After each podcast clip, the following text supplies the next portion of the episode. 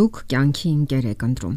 Հավանաբար դա ամենաբարդ ու ամենախոցելի հարցն է, որտեղ շատերը կսխալվեն։ Սակայն կարելի է խուսափել սխալներից։ Կան չափանիշներ, որոնցով կարող եք առաջնորդվել ընտրություն կատարելիս։ Այստեղ միայն համակրանքը կամ նույնիսկ սիրահարվածությունը միակ գործոնը չեն։ Դրանք կարևոր են, սակայն ոչ միակը գոյություն ունեն կարևոր սկզբունքներ, որոնց հետևելը կօգնի թե ճիշտ ընտրություն կատարելու հարցում, եւ թե հետագա ամուսնական կյանքում հաջողություն ունենալու։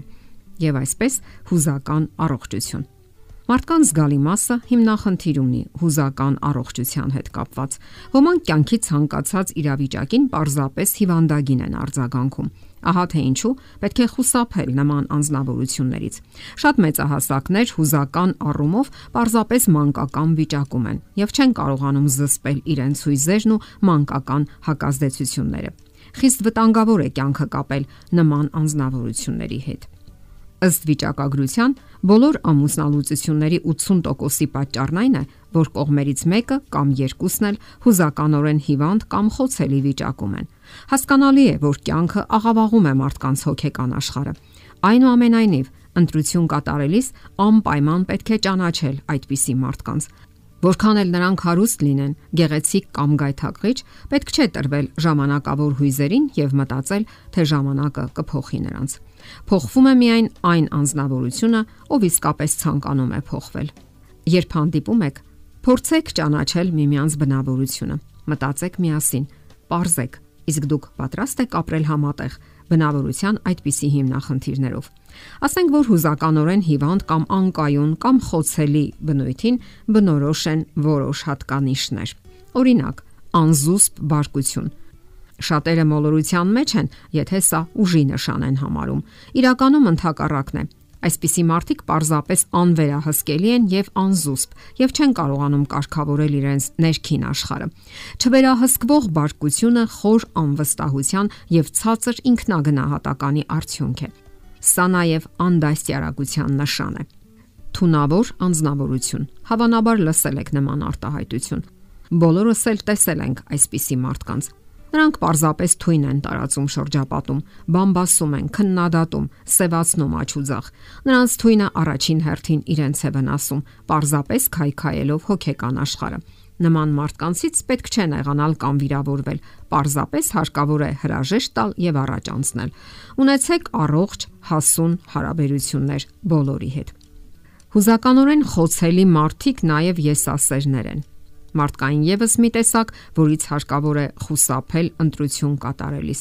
Հեշտ է ճանաչել այդպիսի մարդկանց։ Նրանք մտածում են միայն իրենց մասին։ Նրանց թվում է, թե աշխարհը միայն իրենց շուրջն է պատտվում։ Այդպիսիք շահարկում են ամեն ինչ՝ իշահ իրենց։ Նրանց թե արտակինը, թե խոսքերը միայն իրենց մասին են եւ իրենց համար։ Ճանաչեցիք, որ նրանք այդպիսին են։ Ուրեմն դադարեցրեք հանդիպումները։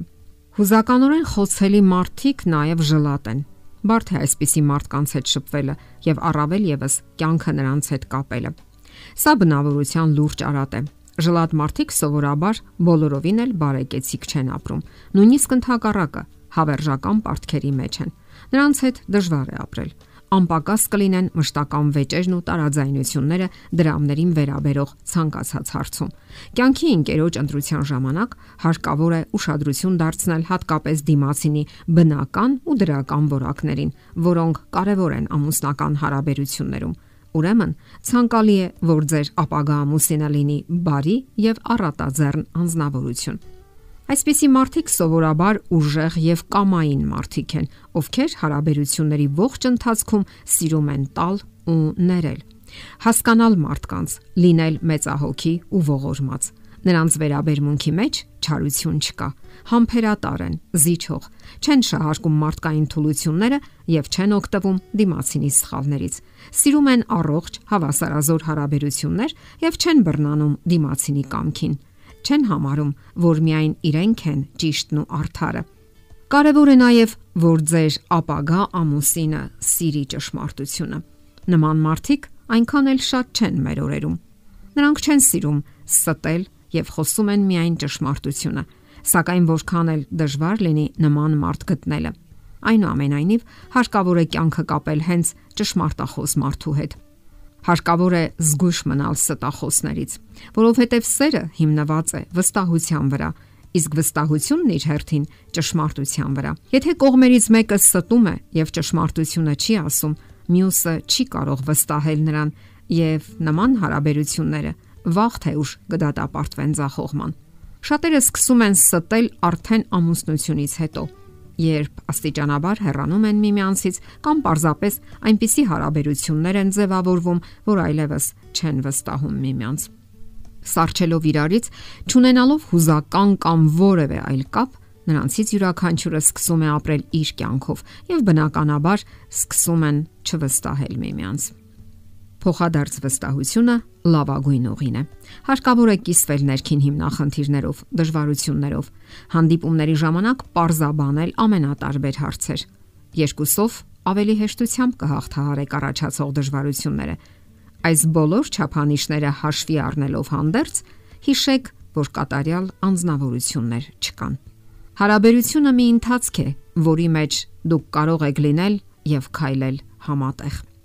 Եթերում ճանապար երկուսով հաղորդաշարներ։ Ձեզ հետ է Գեղեցիկ Մարտիրոսյանը։